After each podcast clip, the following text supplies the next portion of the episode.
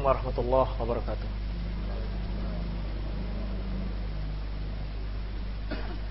Innal hamdalillah nahmaduhu wa nasta'inuhu wa nastaghfiruh wa na'udzu billahi min shururi anfusina wa sayyiati a'malina. May yahdihillah fa huwal muhtad wa may yudlil falan tajida lahu waliyyan mursyida. أشهد أن لا إله إلا الله وحده لا شريك له وأشهد أن محمدا عبده ورسوله الذي لا نبي بعده فقال الله سبحانه وتعالى يا أيها الذين آمنوا اتقوا الله حق تقاته ولا تموتن إلا وأنتم مسلمون يا أيها الذين آمنوا اتقوا الله وقولوا قولا سديدا يصلح لكم أعمالكم ويغفر لكم ذنوبكم ومن يطع الله ورسوله فقد فاز فوزا عظيما. يا أيها الناس اتقوا ربكم الذي خلقكم من نفس واحدة وخلق منها زوجها وبث منهما رجالا كثيرا ونساء. واتقوا الله الذي تساءلون به والأرحم إن الله كان عليكم رقيبا. أما بعد إن أصدق الحديث كتاب الله. وخير الهدي هدي محمد صلى الله عليه وسلم وشر الأمور محدثاتها وكل محدثة بدعة وكل بدعة ضلالة وكل ضلالة في النار Ikhwafiddin azallahu iyyakum kita masuk pada bab 221 bab taghlidul jazri min mana'i man mana az-zakat bab celaan yang keras terhadap orang yang enggan membayar zakat. Qala ta'ala Allah berfirman walladzina yaknizuna adh-dhahaba wal fiddata wa la yunfiqunaha fi sabilillah fabashshirhum bi'adzabin alim dan orang-orang yang menyimpan-nyimpan hartanya baik berupa emas maupun berupa perak dan mereka tidak mau menginfakkannya di jalan Allah, maka beri kepada mereka kabar dengan adab yang pedih. Yauma yuhma 'alaiha fi nari jahannam fatukwa biha jibahuhum wa junubuhum wa dhuhuruhum. Yaitu pada hari di mana harta-harta tersebut dipanaskan di neraka jahanam lantas digosokkan ke lambung mereka, ke dahi mereka, ke lambung mereka dan ke punggung mereka. Hadza ma kanaztum li anfusikum fadhuqu ma kuntum taknizun. Inilah yang dulu kalian simpan-simpan untuk diri kalian, maka rasakanlah apa yang telah kalian simpan. At-Taubah ayat 34 35. Wa qala ta'ala Allah juga berfirman wailul lil musyrikin. Celakalah bagi orang-orang yang musyrik alladzina la yu'tuna zakata wa hum bil akhirati hum kafirun. Yaitu mereka yang tidak membayar zakat dan mereka engkar terhadap hari akhirat. Fusilat ayat 6 dan 7. Ikhwatiddin azallahu iyyakum. Ayat ini memfokuskan pada celaan ataupun ancaman bagi orang yang tidak membayar zakat hartanya, yang tidak membayar sedekahnya, yang tidak menginfakkan hartanya ke jalan Allah. Nafkah, infak di dalam syar'i syariat itu terbagi pada dua. Infak yang wajib dan infak yang sunnah. Infak yang wajib yaitu zakat harta yang kita kenal dengan zakat harta dan juga zakat fitrah. Zakat harta berkaitan nanti dengan kewajibannya berkaitan dengan nisab dan berkaitan dengan satu haul atau berkaitan dengan jumlah jika hal itu berkaitan dengan binatang. Adapun zakat fitrah berkaitan dengan manusia, baik kecil, besar, bayi, tua, muda, selama selama dia sudah lahir dan masih dan sudah dikatakan seorang manusia, maka wajib dibayar zakat fitrahnya jika dia mampu. Bagi orang yang menyimpan hartanya tidak mengeluarkan zakat hartanya, maka ancaman azab yang akan ditimpakan kepadanya nanti di hari akhirat adalah hartanya tersebut nanti dipanaskan.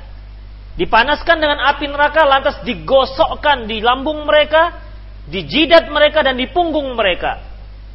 Tidak hanya itu, bahkan dikatakan kepada mereka, ya, rasakan apa yang telah kalian lakukan. Para ikhwatiddin, ucapan rasakan sebenarnya tanpa diucapkan, mereka juga sudah merasakan adab tersebut. Tapi dengan ucapan rasakan ini menunjukkan bagaimana Allah sangat menghinakan.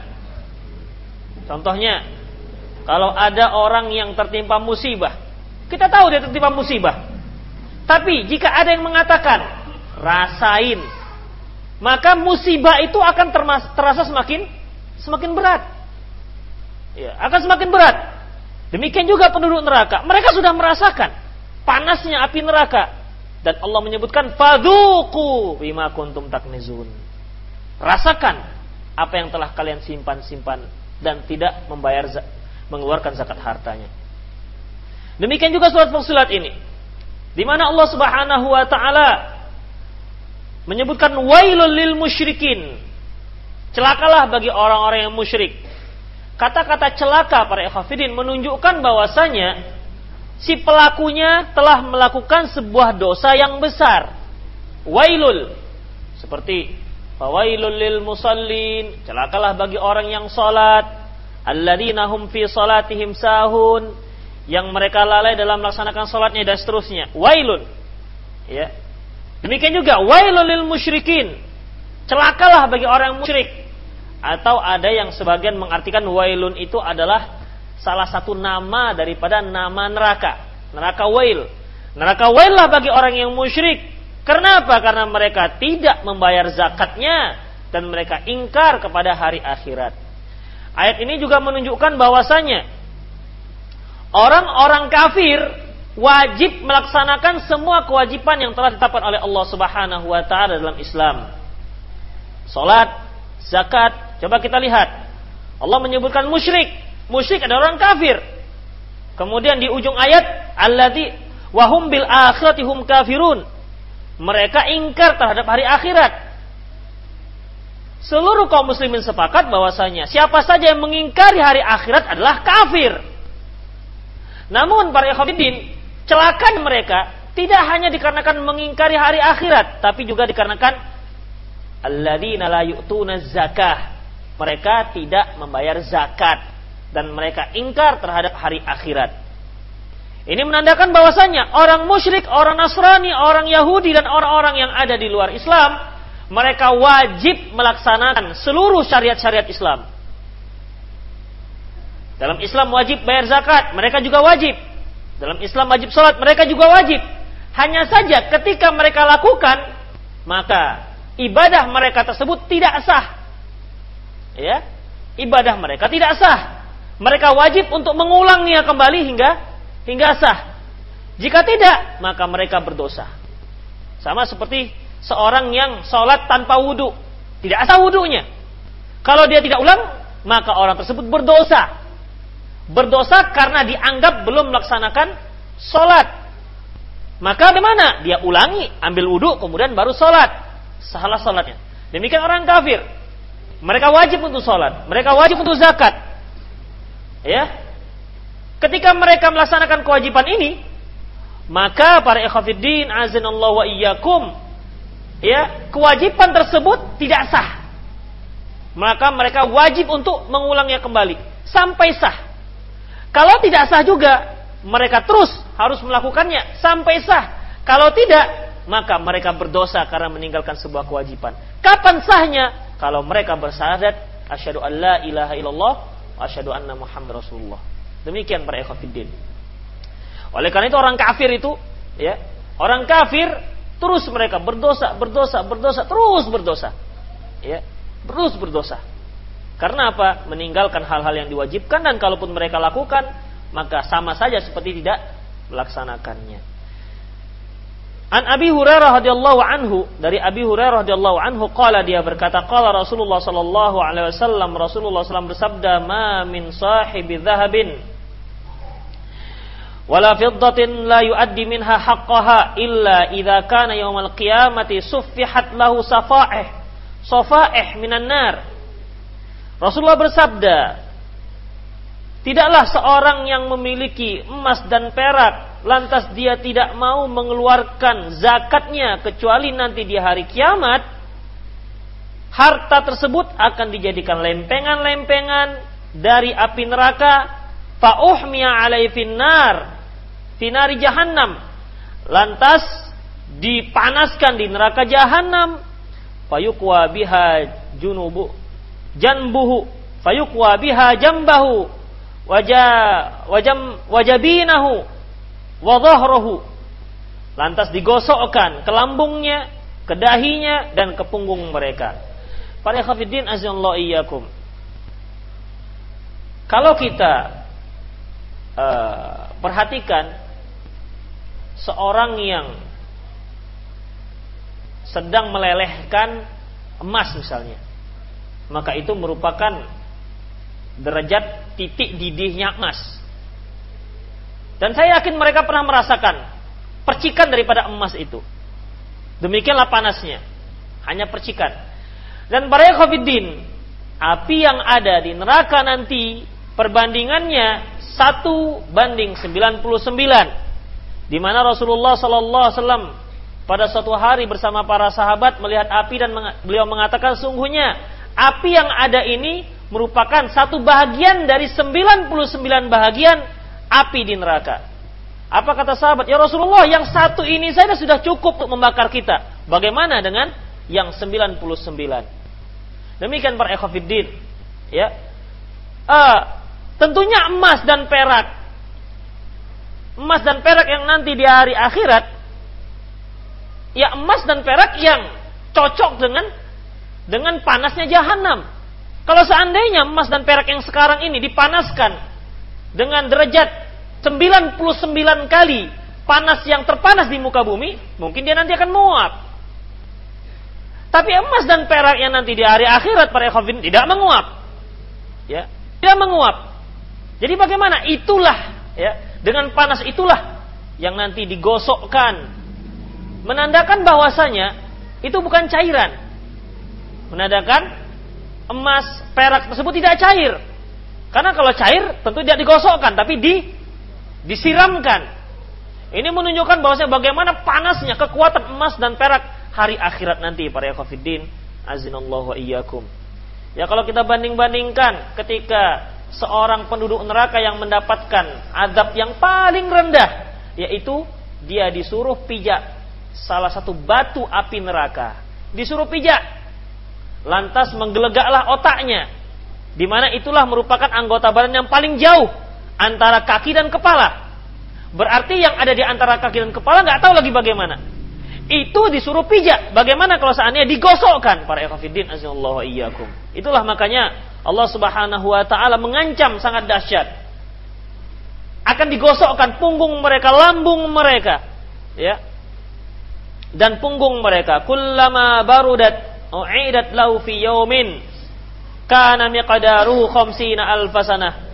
Ketika ketika harta tersebut ya emas tersebut ataupun perak tersebut dingin maka kembali dipanaskan sudah dipanaskan, digosokkan kembali.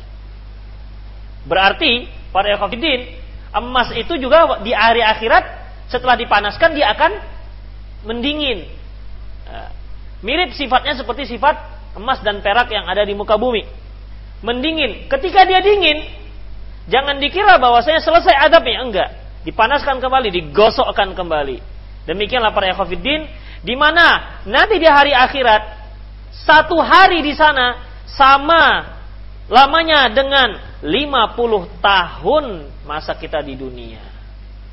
Satu hari di sana sama lamanya dengan 50 tahun. 50 ribu tahun masa kita di dunia. Coba bayangkan. Kalau dia mendapat adab satu hari saja. Satu hari saja di muka bumi sana. Eh, di, di akhirat sana.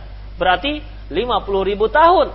Sementara kita hidup di dunia tidak ada yang sampai 50 ribu tahun. Paling lama 100 tahun. Apakah kita eh, dan kemudian menikmati zakat yang tidak dikeluarkan juga tidak sampai 100 tahun? Paling setelah dia mulai kaya, ya paling paling 60 tahun yang bisa dia rasakan. Nikmat harta. Dengan 60 tahun, coba seperberapanya dari satu hari-hari akhirat. Dia korbankan, dia korbankan waktu yang sekian lama di hari akhirat para ikhwatiddin azanallahu iyyakum. Demikian dahsyatnya. Ya, demikian dahsyatnya. Makanya dalam Al-Qur'an ketika ditanya uh, penduduk neraka ditanya, "Qala kam labithum fil ardi adada sinin?" Ditanyakan, "Berapa lamalah kalian di dunia?" Fil ardi adada sinin. Berapa lamalah kalian di muka bumi? Karena mereka sudah berada di hari akhirat, apa katanya? Qalu labisna yauman au ba'da yaum. Kami paling tinggal di muka bumi satu atau setengah hari. Satu hari atau setengah hari. Demikianlah perasaan singkat mereka. Ya. Masuk neraka yang sekian lama dikorbankan hanya untuk waktu satu hari dan atau setengah hari. Itulah perasaan mereka. Perasaan mereka dunia kemarin tuh kok cepat sekali.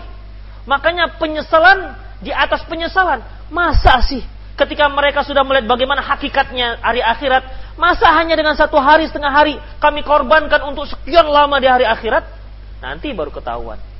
Nanti baru terasa bahwasanya kehidupan kita di muka bumi itu ternyata sangat singkat. Ya, sangat singkat. Rasulullah berkali-kali menyatakan kepada kita, "Kun fid dunya ka'abir sabil." Jadilah kalian di muka bumi itu seperti orang melintas. Seperti orang melintas. Misalnya, kita menempuh perjalanan dari sini ke Siantar misalnya, naik, naik sepeda motor. Singgah sebentar di warung. Sebentar kan di warung?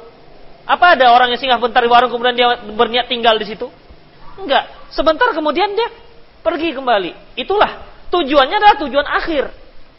Oleh karena itu mereka yang menghabiskan waktunya untuk mengumpul-ngumpulkan dunia para ikhwatiddin itu dia akan mengorbankan tujuan hari akhiratnya yang merupakan tujuan inti.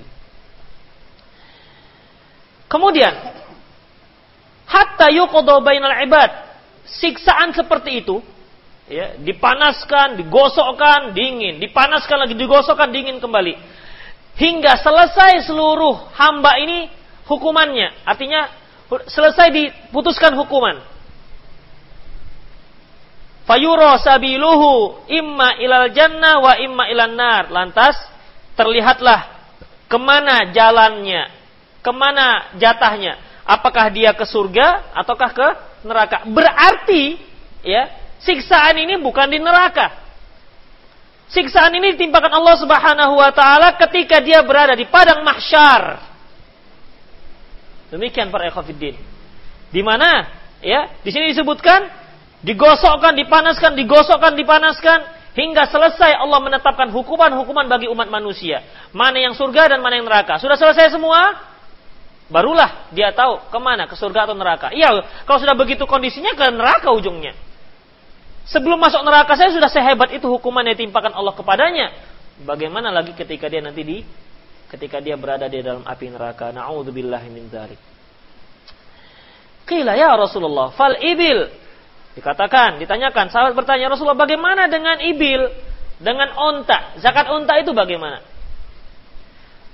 Qala Rasulullah bersabda wala sahibul wala sahibul ibil la yuaddi minha haqqaha wa min haqqiha hablu halbuhu yawma yawma yawma wirdiha illa idza kana yawmal qiyamati butiha laha baqa'in qarqar aw faruma kanat la yafqadu minha fasilan wahidan fasilan wahidan tata'uhu bi akhfafiha wa ta'udduhu bi afwahiha kullama marra alaihi awwalaha awwalaha radda alaihi akhiraha.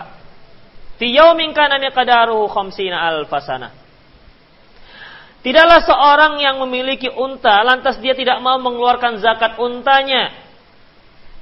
Dan sungguhnya hak yang harus dia keluarkan pada unta tersebut di antaranya adalah mensedekahkan susu unta ketika unta itu dia giring ke arah tempat minuman.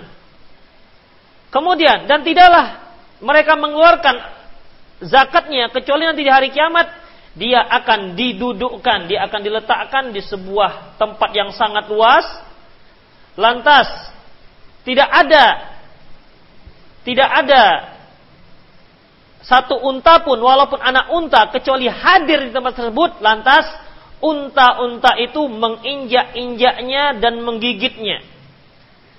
Setiap kali selesai unta terakhir mendapat giliran menginjak-injak dan menggigitnya, maka Kembali lagi unta yang pertama menginjak-injak dan menggigit orang tersebut.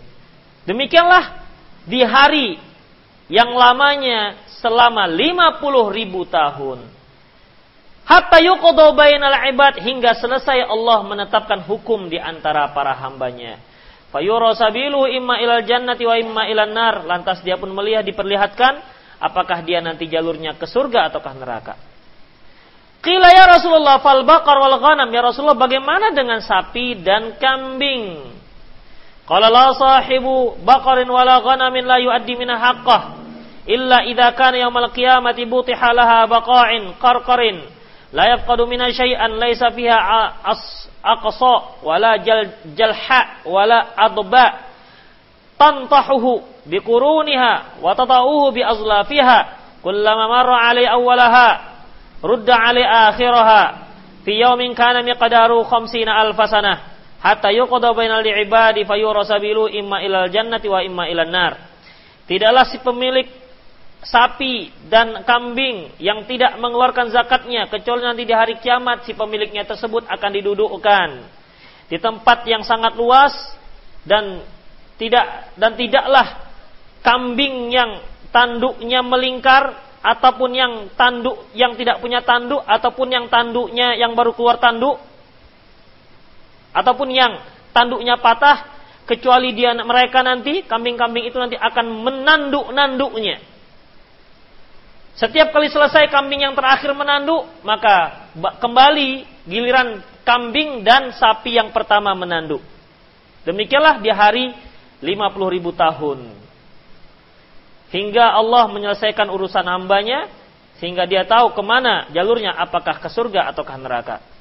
Kila ya Rasulullah fal khail ya Rasulullah bagaimana dengan kuda? Qala al khailu salah satu. Adapun kuda ada tiga hal. Hiya li rajulun wizrun. Ada kuda yang membuat seorang itu berdosa. Wahia rijul sitrun. Ada juga kuda yang menjadikan tirai bagi si pemiliknya. Wahia rajulun ajrun. Ada juga yang membuat menjadikan sumber pahala bagi si pemiliknya. Wa ammal latihiya wizrun adapun kuda yang menjadikan sumber dosa farujun rabataha riyaan wa fakhran wa nawaan ala ahli Islam fahiya lahu wizrun yaitu seorang laki-laki yang sengaja mengikatnya untuk dipamer-pamerkan ya dipamer-pamerkan dan dia gunakan untuk melawan pemeluk Islam orang-orang Islam dan itu akan membuat dia menjadikan sumber dosa Wa ammalatihi alau sitrun. Adapun kuda yang membuat dia menjadi tirai, tirai penutup farajul rabataha fi sabilillah yaitu seorang laki-laki yang mengikat kudanya tersebut di jalan Allah summa lam fi zuhuriha wala riqabiha fahiya sitrun. Lantas dia tidak lupa haknya Allah dari kuda tersebut dan ini merupakan kuda yang jadikan sebagai tirai, tirai antara dia dan neraka.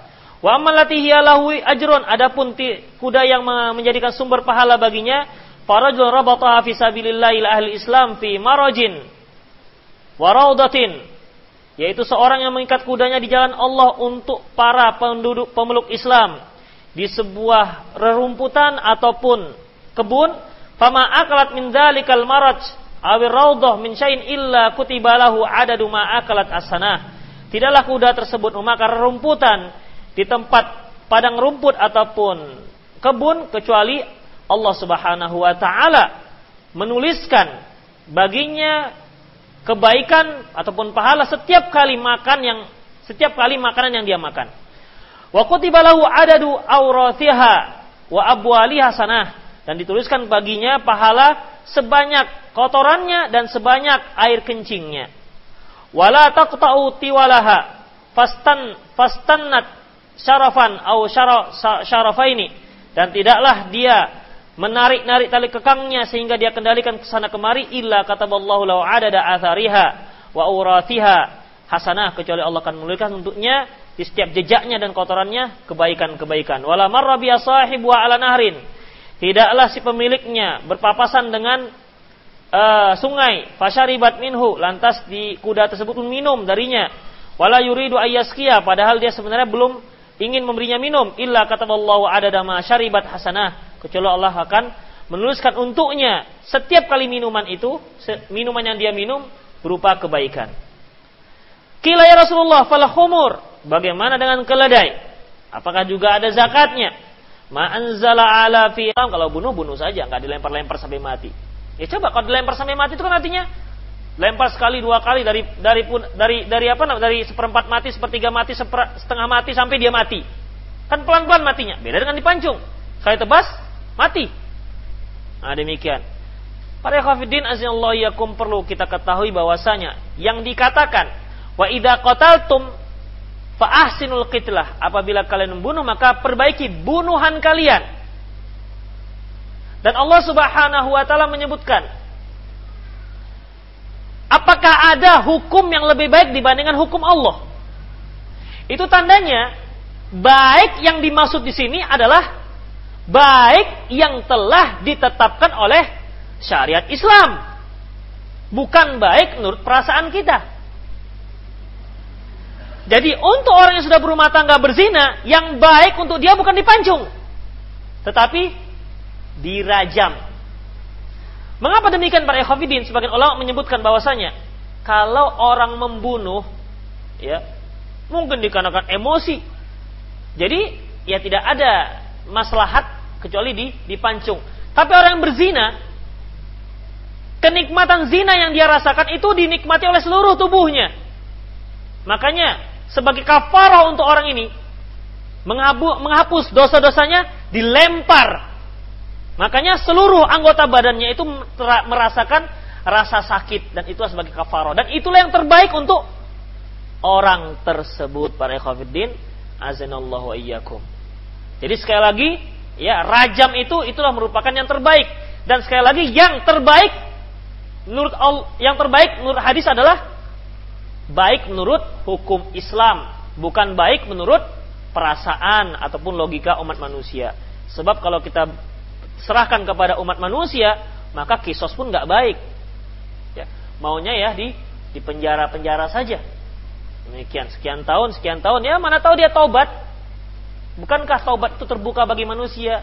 Namun tidak demikian dalam Islam. Demikian para ikhwatiddin azallahu iyyakum. Jadi untuk uh, keledai ya itu berkaitan dengan kebaikan yang diberikan. Dari Jabir radhiyallahu anhu Al-Ansari Eh, radhiyallahu anhu maqala sami'tu Rasulullah yaqul aku pernah mendengar Rasulullah bersabda Tidaklah seorang yang memiliki unta lantas dia tidak membayar haknya kecuali nanti akan datang unta tersebut di hari kiamat lebih banyak daripada jumlah unta tersebut. Lantas dia didudukkan di padang yang sangat yang luas kemudian unta-unta tersebut akan menginjak-injaknya. Dan tidaklah seorang yang memiliki sapi lantas dia tidak mengeluarkan zakatnya kecuali nanti di hari kiamat orang tersebut akan kecuali sapi tersebut akan datangi mendatangi dia lebih banyak jumlahnya dibandingkan sapi yang dia miliki semasa di dunia. Lantas dia didudukkan di lapangan terbuka, kemudian sapi-sapi tersebut akan menanduinya dan menginjak-injaknya.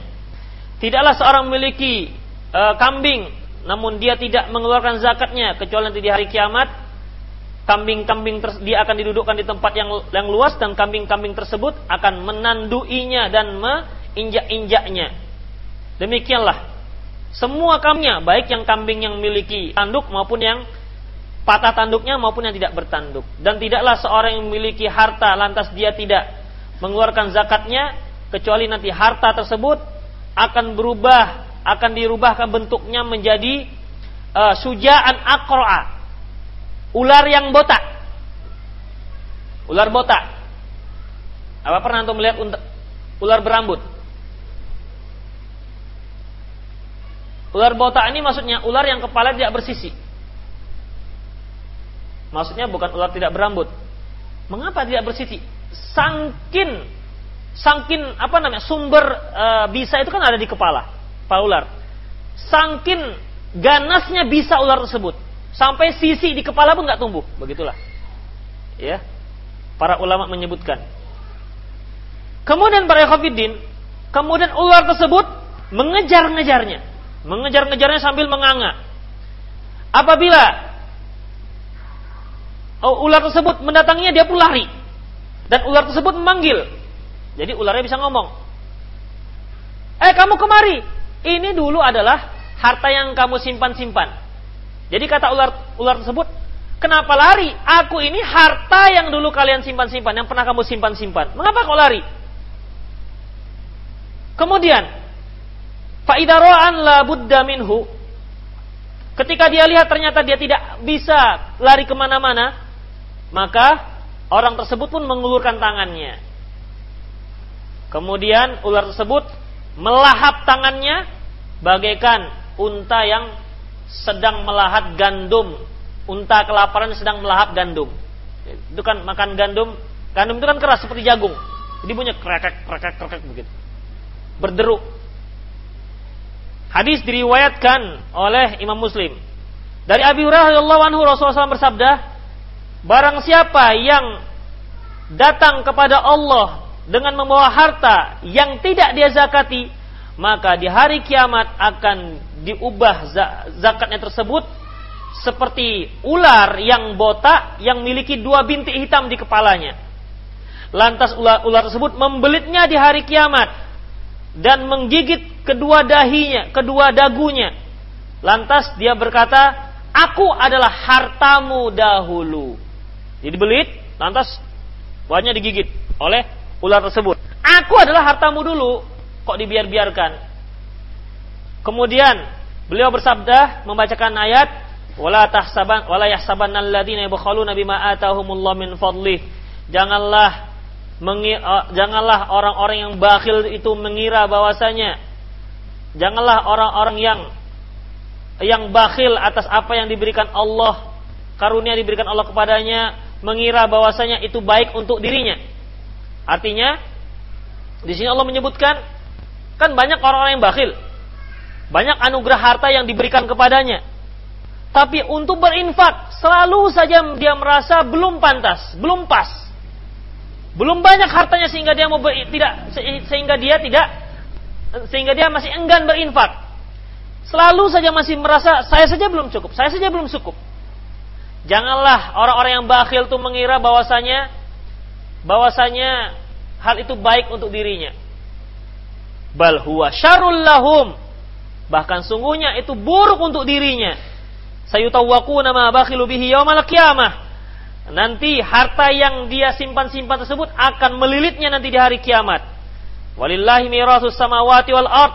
Dan sungguhnya hanya milik Allah lah langit dan bumi. Wallahu bima wallahu bima ya'maluna khabir. Sungguhnya Allah Maha mengetahui atas apa yang dia apa atas apa yang kalian lakukan. Di sini para ikhwatiddin azallahu menyebutkan bagaimana sifat orang yang bakhil. Ketahuilah para ikhwatiddin azallahu. Sesungguhnya dalam masalah berinfak dalam masa berinfak sebagaimana yang kita katakan tadi, ketika kita belum memiliki harta yang yang belum wajib dizakati, kita masih dapat melakukan infak. Infak yang sifatnya sunnah. Ya. Tentunya dengan seda, semampu kita. Kalau seandainya kita merasa belum cukup sesungguhnya berapapun harta yang kita dapati itu tetap saja tidak cukup. Mengapa demikian? Karena asyaitanu ya'idukumul faqra wa ya'murukum bil fahsya. Setan itu selalu menakut-nakutkan kamu dengan kefakiran dan menyuruh kalian untuk berbuat kekejian. Makanya kalau kita ikuti hawa nafsu kita, gaji kita misalnya satu hari 20 ribu, itu selalu nggak cukup. Kalau kita ikuti nafsu kita, tapi coba kurangi 2 ribu, 3 ribu untuk infak, pasti cukup juga. Ya. Tapi setan selalu membisik-bisikkan, 20 ribu cuman hari ini untuk infak tinggal 18 ribu, mau makan apa lagi? Nanti kamu lapar, besok iya kalau dapat uh, buka dasar, kalau nggak buka dasar bagaimana? Ah begitu para ikhwafidin. Selalu saja. Ya, selalu saja akan terpikir seperti itu. Makanya para ikhwafidin, ya, uh, cobalah di, di, dibudayakan, dibiasakan untuk berinfak. Semampu kita, tapi tak ada infak. Nah, infak kita, ya tentunya untuk kemaslahatan kaum muslimin. Dari Abdullah bin Mas'ud, Rasulullah dia berkata, orang yang makan riba, yang memberi makan riba kepada orang lain, dan yang menyaksikan riba tersebut dan dia tahu itu riba, dan wanita yang mentato, wanita yang dimintai meminta untuk ditato, dan orang-orang yang menunda-nunda memberi sedekah. Maksudnya sedekah di sini zakat, ya menunda-nunda zakatnya dan orang yang murtad, orang Arab yang murtad yang telah setelah dia hijrah, sesungguhnya orang-orang tersebut mal'ununa ala lisani Muhammad yaumal qiyamah. Orang-orang ini merupakan orang yang terlaknat di hari kiamat e, melalui lisannya Muhammad sallallahu alaihi wasallam. Orang yang makan riba, yang menyuguhkan makanan tersebut untuk menyuguhkan makan riba untuk orang lain dan yang menyaksikannya dan yang menyaksikannya. Kemudian sementara dia tahu wanita yang mentato dan wanita yang dimintai tato. Sekarang itu kan eh, laki-laki sudah tren sekali pakai tato. Sebenarnya para ikhwafidin dahulu itu tato adalah salah satu cara wanita untuk menghiasi badannya, untuk menghiasi tubuhnya. Jadi tato adalah perhiasan untuk kaum wanita dan itu terlaknat melalui lisan Rasulullah Sallallahu Alaihi Wasallam. Kemudian para ikhwatiddin, bagaimana kalau laki-laki? Kalau ada laki-laki yang mentato, maka dia mendapat dosa dua kali. Pertama, dosa mentato. Yang kedua, dosa melakukan tasyabuh dengan wanita. Pertama, dia dapat laknat mentato, bagaimana Rasulullah menyebutkan dia dilaknat melalui lisannya Rasulullah yang kedua terlaknat karena menyerupai kaum wanita. La'anallahu al-musyabbihina bin nisa wal musyabbihatu birrijal. Allah melaknat laki-laki yang menyerupai wanita dan wanita-wanita yang menyerupai kaum laki-laki. Makanya para laki-laki hati-hati mengenai tato mentato. Ya, dia mendapat dosa dua kali. Ya, dosa dua kali. Dosa mak, laknat mentato dan laknat menyerupai kaum wanita. Sekarang itu kan kadang-kadang apa namanya tangannya sebelah tato semua. Ya. Kadang-kadang kakinya itu betisnya ditato. Hebat sekali sekarang tato ini sudah sangat memasyarakat. Apalagi peralatannya sudah mulai sangat canggih. Demikian para ikhwatiddin. Kemudian dari Ahna bin Qais dia berkata, Aku pernah duduk bersama orang-orang Quraisy, kemudian datanglah seorang laki-laki yang rambutnya kusut dan kondisi kondisi dan pakaiannya juga kusut hingga dia berdiri di di di tempat kami di tempat kami dan dia pun mengucapkan salamnya. Lantas berkata berilah kabar kepada orang-orang yang mengumpul-ngumpulkan hartanya tidak membayarkan zakat bahwasanya dia nanti akan digosok di api neraka dengan neraka jahanam. Lantas harta tersebut diletakkan di dadanya. Hal tersebut dipanaskan diletakkan dadanya, lantas uh, apa namanya harta tersebut masuk ke tubuhnya hingga hingga melewati punggungnya. Jadi apa namanya tembus, diletakkan di dadanya, tembus ke punggungnya. Kemudian diletakkan di punggungnya, tembus ke dadanya. Watazal zala dan dia pun menggelepar kesakitan. Jadi bukan hanya digosok, tapi diletakkan juga sampai sampai tembus. Kemudian dia pun duduk di uh, di sebuah tiang dan aku pun mengikutinya dan aku pun duduk di dekatnya. Aku nggak tahu siapa dia. Aku berkata kepadanya, aku tidak melihat kecuali kaum tersebut tidak suka dengan apa yang anda ucapkan. Jadi kaum itu ketika orang ini datang dan menyebutkan hadis ini, mereka nggak suka dengan hadis ini. Kalah kata laki-laki tersebut, orang itu mereka itulah orang-orang nggak berakal, nggak punya otak. Mereka yang tidak mau berpikir. Sesungguhnya kekasihku telah berkata kepadaku. Aku bertanya, siapa kekasih anda? Kala Nabi Sallam, dia adalah Rasulullah Sallam. Berarti laki-laki ini adalah sahabat. Nah, demikian.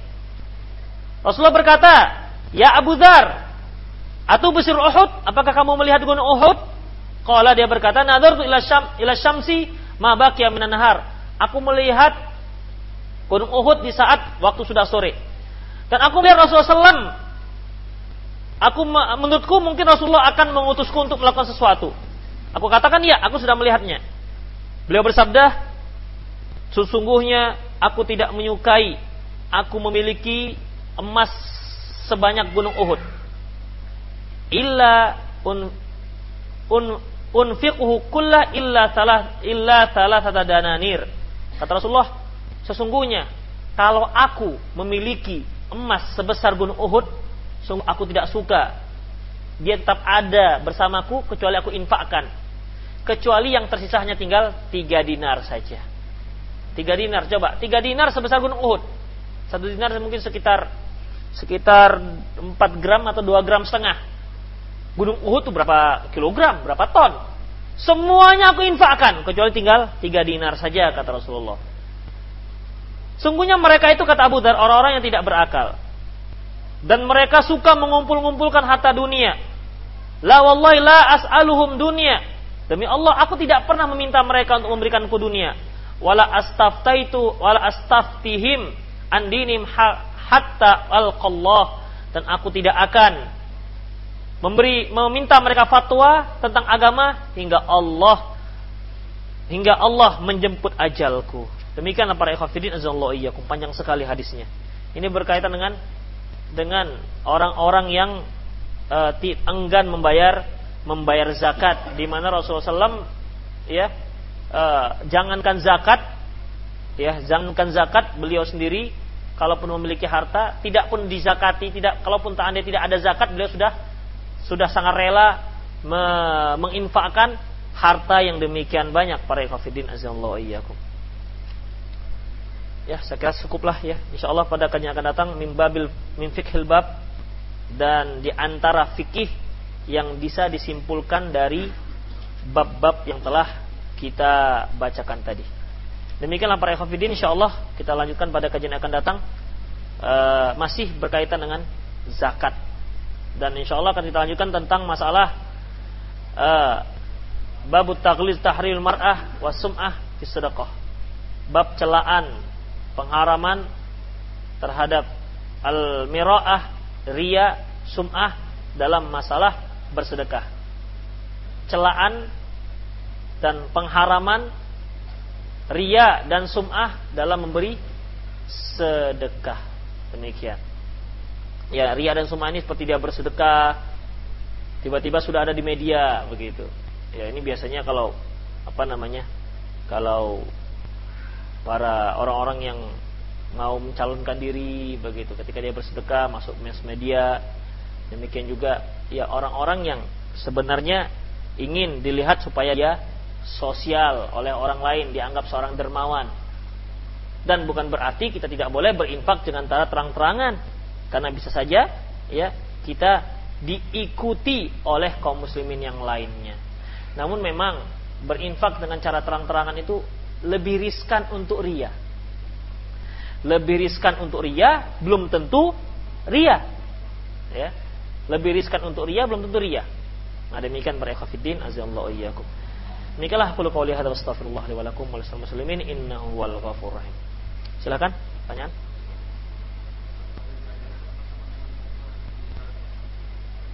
Satu hari di dunia, satu hari di hari akhirat sama dengan 50 ribu tahun di dunia dan akhirat itu sudah ter, ter, termasuk dalamnya surga, neraka, karena mereka karena itu semua ada dalam di, di alam akhirat.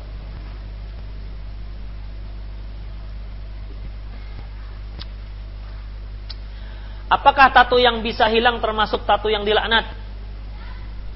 Ya.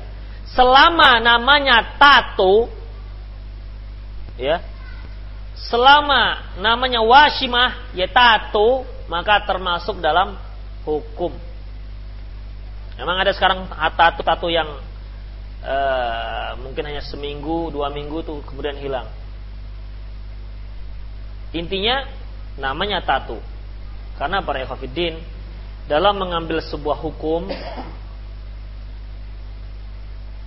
dalam mengambil sebuah hukum dari sebuah lafaz lafaz itu pada dasarnya harus kita artikan dengan makna yang hakiki.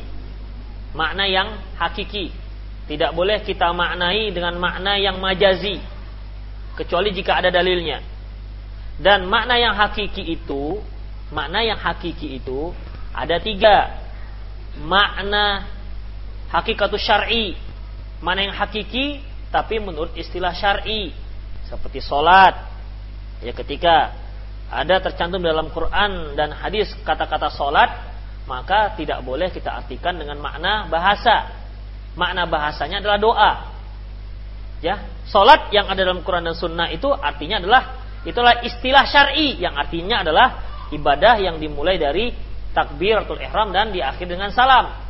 Tidak boleh sekalipun kita artikan dengan kata-kata dengan mengartikan doa. Sehingga jadi e, syariatnya jadi berbeda. Cukuplah nanti akan menjadi eling-eling saja. Orang eling-eling dalam berdoa, mereka mengambil mengambil e, makna salat hanya dari sisi bahasa Arab. Memang sekali lagi bahwasanya ya, arti salat itu dalam bahasa adalah doa. Namun bukan ini yang dimaksud oleh syariat. Jadi tidak bisa dikatakan kalau dia hanya sekedar eling, ingat, mendoa, lantas dikatakan dia sudah sholat. Doa lima kali sehari berarti adalah sholat lima kali sehari semalam itu salah. Kemudian ada makna lugawi. Makna uh, makna lugawi, makna lugawi ini makna yang berkaitan dengan bahasa. Ya, seperti apa? Seperti wasimah tadi. Wasimah makna makna bahasanya ya mentato. Maka selama aktivitas seseorang disebut mentato atau meminta untuk ditato, maka termasuklah dalam hukum hukum uh, hadis tersebut terlaknat. Kemudian ada makna hakiki urfi, hakikatul urfi. Makna hakiki, lafaz, hakiki hanya saja maksudnya adalah sesuai dengan urfi, istilah masyarakat setempat. Nah, demikian. Bagaimana dengan tato gigi? Antum pernah lihat tato gigi? Ada gigi ditato, tapi nggak nggak sempat ngetren, nggak nggak sampai ngetren habis, setengah habis. Tato gigi. Nah, itu sebenarnya bukan tato, itu stiker, stiker yang dilengketkan di gigi. Sekarang ini ada seperti intan itu sengaja dilengketkan di gigi. Supaya tambah kincring gitu wajahnya. Nginclong. Jadi kalau giginya kuning pakai itu kan nampak seolah putih. Demikian ya. Tato gigi Allah alam bisawab. Tato gigi. Jelas tato gigi itu bukan dikatakan tato. Bukan dikatakan tato. Karena nggak ada orang mentato gigi kecuali melengketkan stiker. Ah, kemudian uh, ya udahlah itu aja. Ada yang lain silakan. Ya. Nanti nanti. Ya.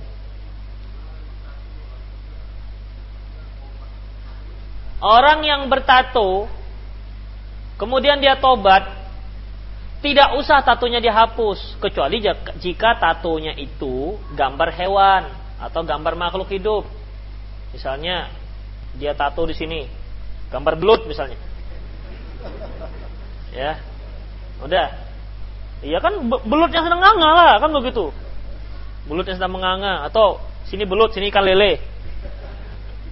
Udah. Eh, hapus saja kepalanya. Hapus saja kepalanya. Dan nggak benar, nggak ada dalil yang mengatakan bahwa orang yang bertato itu nggak sah sholatnya. Salah. Sebab tato itu lukisan yang ada di bawah kulit, bukan yang nempel di atas kulit. Jadi kalaupun dia berudu, ya kena kulitnya, bukan nggak kena. Demikian ya. Ini nggak usah dihilang-hilangkan. Tapi Ustaz nanti orang takut lah, sementara kita sudah soleh. ya biarkan aja orang takut. Bilang mantan ini. Ya nanti kalau di nanti digosok, nanti kan rusak kulitnya. Tato itu kan lama-lama tambah habis ya. Bisa habis? Nggak habis-habis. Dirusak kemudian ganti kulit baru, macam ular aja. Setahu saya kulit itu akan rusak, cacat jadinya. Udahlah biarkan saja, jangan jangan sampai apa namanya merusak diri sendiri gitu. Ya jangan sampai merusak diri sendiri, udah biarkan saja. Ya kalau apa namanya? Kalau seandainya dia ada di kompas-kompas orang, bahkan aja. Aduh. ah, nggak takut lagi orang tato ya. Sekarang tato tuh sudah sudah sebagai perhiasan, bukan lagi preman. Ah, Mana yang takut orangnya? Nah, demikian ya. Jadi tidak tidak tidak wajib untuk di dihilangkan itu tato. Tidak wajib untuk dihilangkan. Ada orang yang mau taubat dia, mau taubat, kemudian dia bertato. Ya, namanya juga yang anak-anak berandalan. Mereka kan melihat gimana lingkungannya. Ditengoknya kawannya tatunya pakai tato gambar ikan lele, dia pun kepingin kan begitu, nggak mau kalah ikan nila dibuatnya. Misalnya begitu. Ya, kawannya kan begitu. Almaru ma'adini khalilihi. Seorang itu sesuai dengan agama temannya. Ya, kalau kawannya mengatakan ngetren, ngetren lah. Coba anak-anak sekarang, anak lajang sekarang, ya anak-anak muda, dia kan pakai uh, kalau nyisir itu kan pakai jeli dikuncung-kuncungkan gitu kan. Seperti sisirnya Don King. Setahu saya Don King dulu pakai topi, promotornya Muhammad Ali. Ya, dengan Larry Holmes. Itu kan pakai topi gitu. Ah sekarang anak muda sekarang begitu. Kalau saya melihatnya, di mana cantiknya? Tapi mereka melihat karena kawan-kawannya begitu ngetren, rasanya pede kali dia pakai begitu. Ada lagi udah sisiran, habis itu diacak-acak, diacak-acak pun gitu. Udah disisir pun diacak-acak. Udah begitu di pasar, kita ini kok kusut gini rambutnya gitu. Nah demikian, ngetren. Rambut acak-acak itu ngetren. Kalau waktu saya eh, apa namanya waktu SMP dulu, ngetrennya rambut duran-duran. Anda tahu? Itu grup rock duran-duran. Jadi dia juga-juga begitu. Nah, ngetopnya begitu. Kalau kita lihat apa kayak gini cantiknya, apa gagahnya begitu? Ya kan begitu, nggak sisiran, kemudian dikuncung-kuncungkan, tapi begitulah. Ya, begitulah. Orang perasaannya bagus begitu, perasaannya bagus. Orang lain melihat tidak bagus. Yang cocok dengan dia mengatakan bagus. Nah, maka dia pun uh, setelah dia tobat mau sholatlah dia. Tanya Ustadz uh, ada seorang pakai tato kemudian dia taubat dan dia mau sholat. Sahkah sholatnya? Kata Ustadz tidak sah. Akhirnya ditaubat dia. Nggak jadi taubat. Wah ini banyak tato masalahnya ini. Gimana caranya ngilangnya? Apa digosok semua akhirnya nggak jadi taubat. Adalah kapan-kapan jelas taubatnya. Nggak jadi taubat. Sayang sekali. Demikian, nggak ada dalilnya. Harus dihilangkan. Kecuali kalau gambar hewan atau gambar makhluk. Demikian. Ya kalau dia pakai di tangan, ya dia malu. Terlihat, ya pakailah lengan lengan panjang. Memang sih ada para ikhwatiddin peristiwa. Seorang ikhwan dia sudah taubat, dia punya tato, melamar seorang akhwat, kelihatan tatunya, jadi nggak diterima. Jadi nggak diterima, takut si akhwatnya. Eh, ya nasib lah memang begitu cuman kan. Tapi kan akhirnya laku juga dia.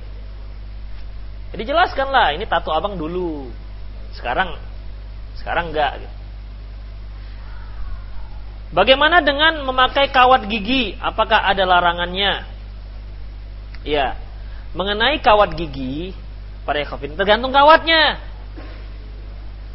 Tergantung kawatnya. Kalau kawatnya tersebut dari emas nggak dibolehkan untuk kaum laki-laki. Tapi saya kira nggak ada yang emas ya kawat gigi itu. Ya kawat gigi itu kan fungsinya di, dibuat fungsinya bagi eh, apa namanya yang giginya agak jemping sedikit gitu kan. giginya agak apa namanya? Kalau saya dulu jemping apa agak apa? Jongor. Ah? Jongos ya? Enggak lah, jongos itu kan pembantu. Ya lah agak jemping gitulah keluar gitulah. Ya agak keluar, itu kan supaya dirapatkan ke dalam. Enggak apa-apa Pak Rekhafidin, itu kan untuk memperbaiki. Untuk memperbaiki, nggak ada masalah. Dan pakai gigi palsu juga nggak apa-apa. Dan pakai gigi palsu. Kalau memang giginya tidak berfungsi lagi. Hah? Enggak. Enggak, karena itu memperbaiki gigi tersebut.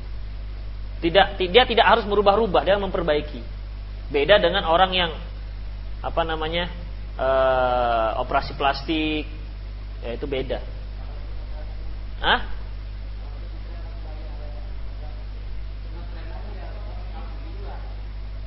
Ah itu saya kira itu perlu dirukiah orang kayak gitu. Iya untuk ngetren-ngetren pakai pakai kawat gigi, gigi nggak apa-apa. Ini pak untuk apa kawat gigi ngetren? Ah, bukannya cantik sekali orang pakai kawat gigi itu. Ya nanti dia makan makan misalnya makan ongol-ongol gimana? Makan dodol gimana? Kan susah makannya. Hmm. Ya nggak ada, nggak ada larangan untuk memakai kawat gigi. Ada yang lain silakan.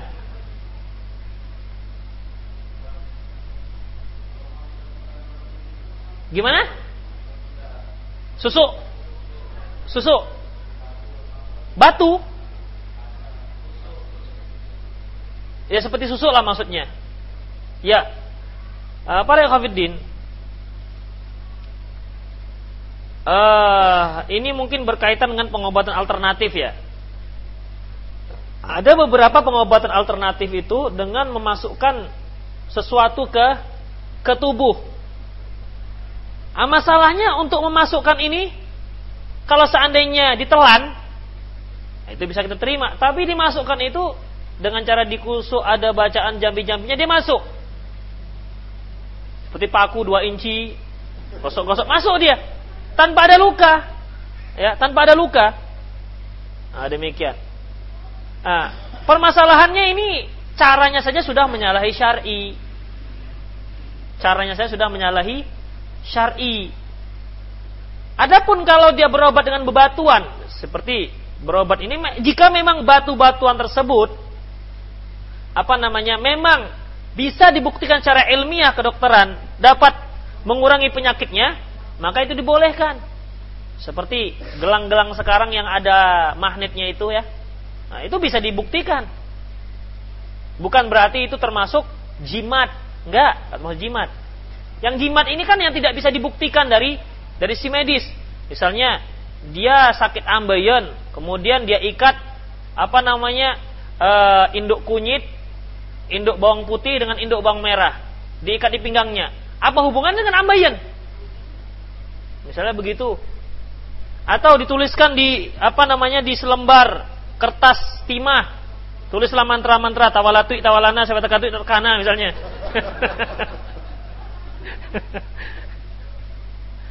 ah nggak dibolehkan demikian atau memasukkan batu untuk apa batu dimasuk-masukkan untuk apa batu dimasukkan dan bagaimana cara memasukkannya bagaimana cara memasukkannya kalau batu tersebut dia telan jelas batu tidak akan dicerna oleh tubuh. Nah, demikian. Jadi banyak mudaratnya. Kalau dimasukkan dengan cara jampi-jampi, ya dibolehkan. Nah, demikian. Jadi para ekofidin masalah pengobatan alternatif ada yang bisa dibuktikan dari si medis, ada yang tidak. Yang tidak bisa, maka tidak dibolehkan. Kecuali yang ada dalilnya seperti apa? Rukiah. Kecuali yang ada dalilnya itu rukiah.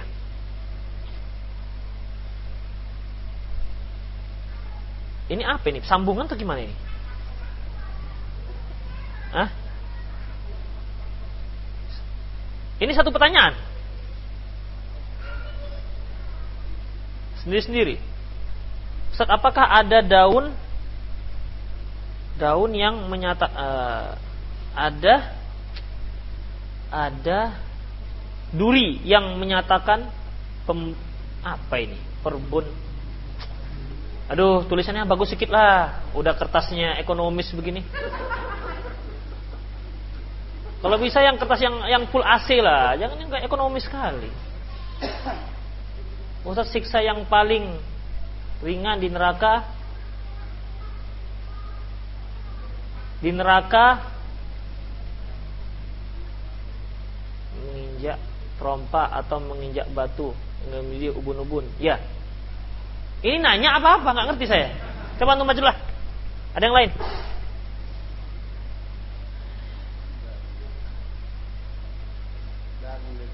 Hah? Dalil. Apa itu?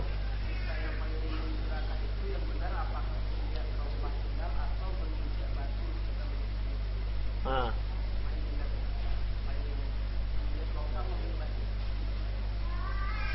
Batu dan trompa gitu. apa tadi? Ah. Apa itu? Dalil?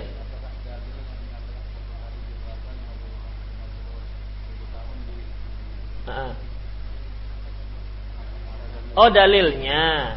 Iya tadi kan ada kita bacakan di akhirat. Neraka itu kan akhirat nggak di dunia.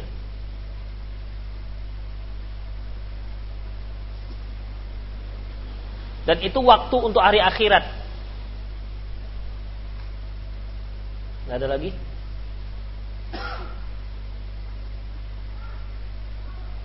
Tadi ada yang nunjuk-nunjuk tadi? Udah selesai? Ibu-ibu nggak ada pertanyaan bu? Tak ada. Ya sudah lah tak ada. Eh, apa pula budak ni nak datang? eh, demikianlah para khafidin eh, kita sudahi aku lupa lihat astagfirullah li walakum wa muslimin inna wal dan acara kita serahkan kepada ketua panitia pelaksana pembebasan tanah masjid. Saya mencirim